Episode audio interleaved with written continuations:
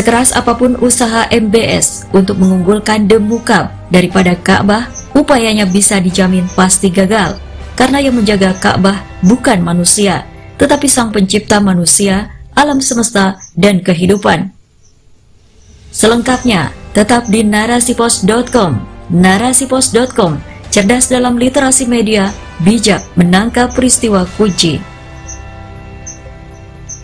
Inilah rubrik World News selengkapnya. The Mukab, akankah bernasib seperti gereja Abraha? Ditulis oleh Ragil Rahayu SE, tim penulis inti narasipos.com.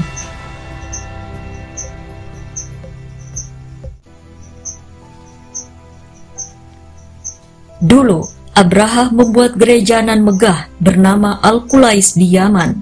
Maksud hati hendak menyaingi Ka'bah Ternyata gereja itu sepi, bahkan menjadi tempat orang buang kotoran.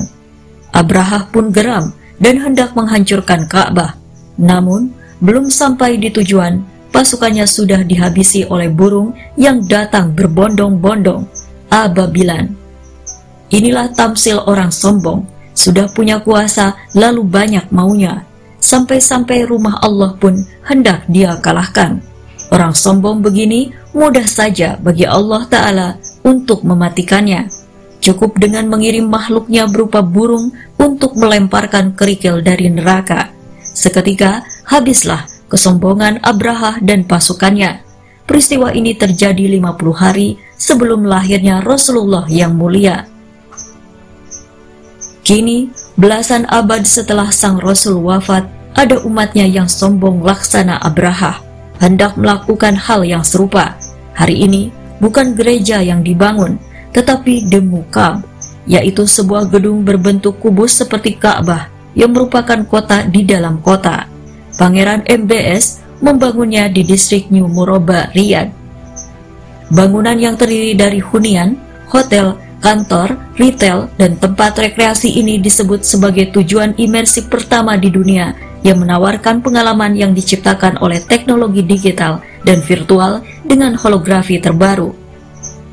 Rencana pembangunan Ka'bah baru ini sontak mendapatkan respon negatif dari umat Islam. Pemilihan bentuk yang mirip Ka'bah mengisyaratkan adanya upaya MBS untuk mengerdilkan nilai Ka'bah. Apalagi, The Mukab adalah tempat hiburan. Ketika dibangun di dekat Ka'bah dan bentuknya juga mirip, tampak bahwa ada upaya mengalihkan kiblat kaum muslimin dari Ka'bah ke Demukab.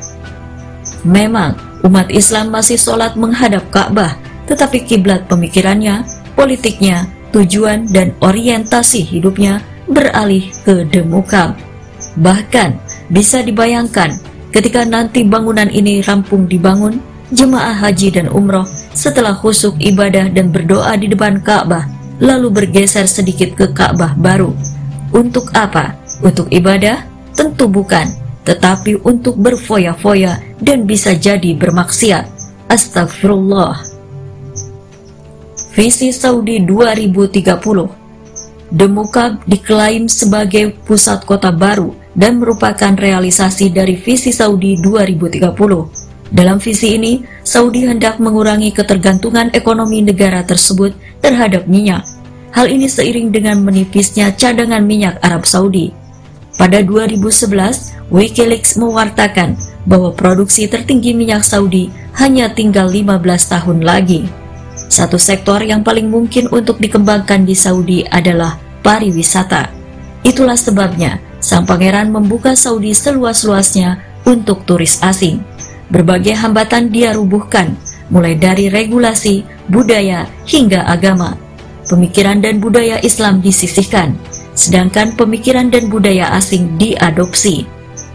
Berbagai barang dan aktivitas haram digelar demi memperoleh devisa.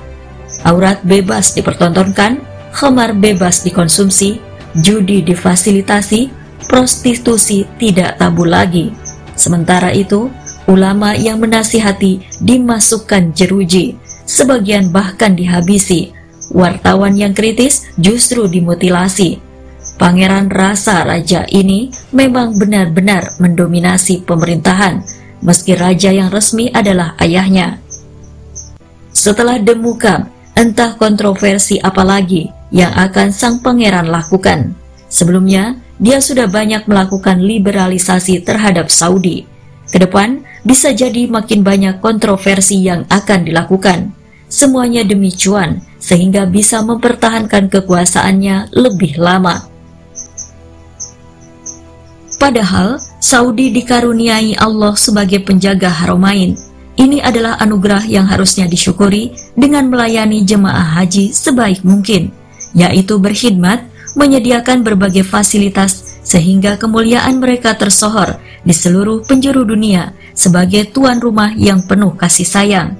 Bukan justru seperti sekarang, melakukan liberalisasi dan kapitalisasi di semua sektor termasuk dalam penyelenggaraan haji. Sungguh sayang, kemuliaan yang leluhurnya wariskan sebagai penjaga Ka'bah justru diabaikan demi recehan devisa.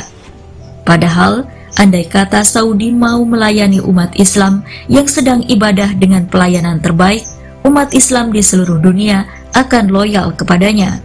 Sebagaimana dulu umat Islam juga demikian loyal pada Syarif Makkah. Mengapa bukan hal ini saja yang dioptimalkan? Sekeras apa pun usaha MBS untuk mengunggulkan demuka daripada Ka'bah, upayanya bisa dijamin pasti gagal, karena yang menjaga Ka'bah bukan manusia, tetapi sang pencipta manusia, alam semesta, dan kehidupan. Allah Ta'ala berfirman dalam Quran Surah Ali Imran ayat 96 Sesungguhnya, rumah ibadah pertama yang dibangun untuk manusia ialah Baitullah yang diberkahi dan menjadi petunjuk bagi seluruh alam. Demikianlah, Ka'bah senantiasa diliputi berkah dan petunjuk. Siapa pun yang hendak mengunggulinya akan Allah tumbangkan. Wallahu a'lam.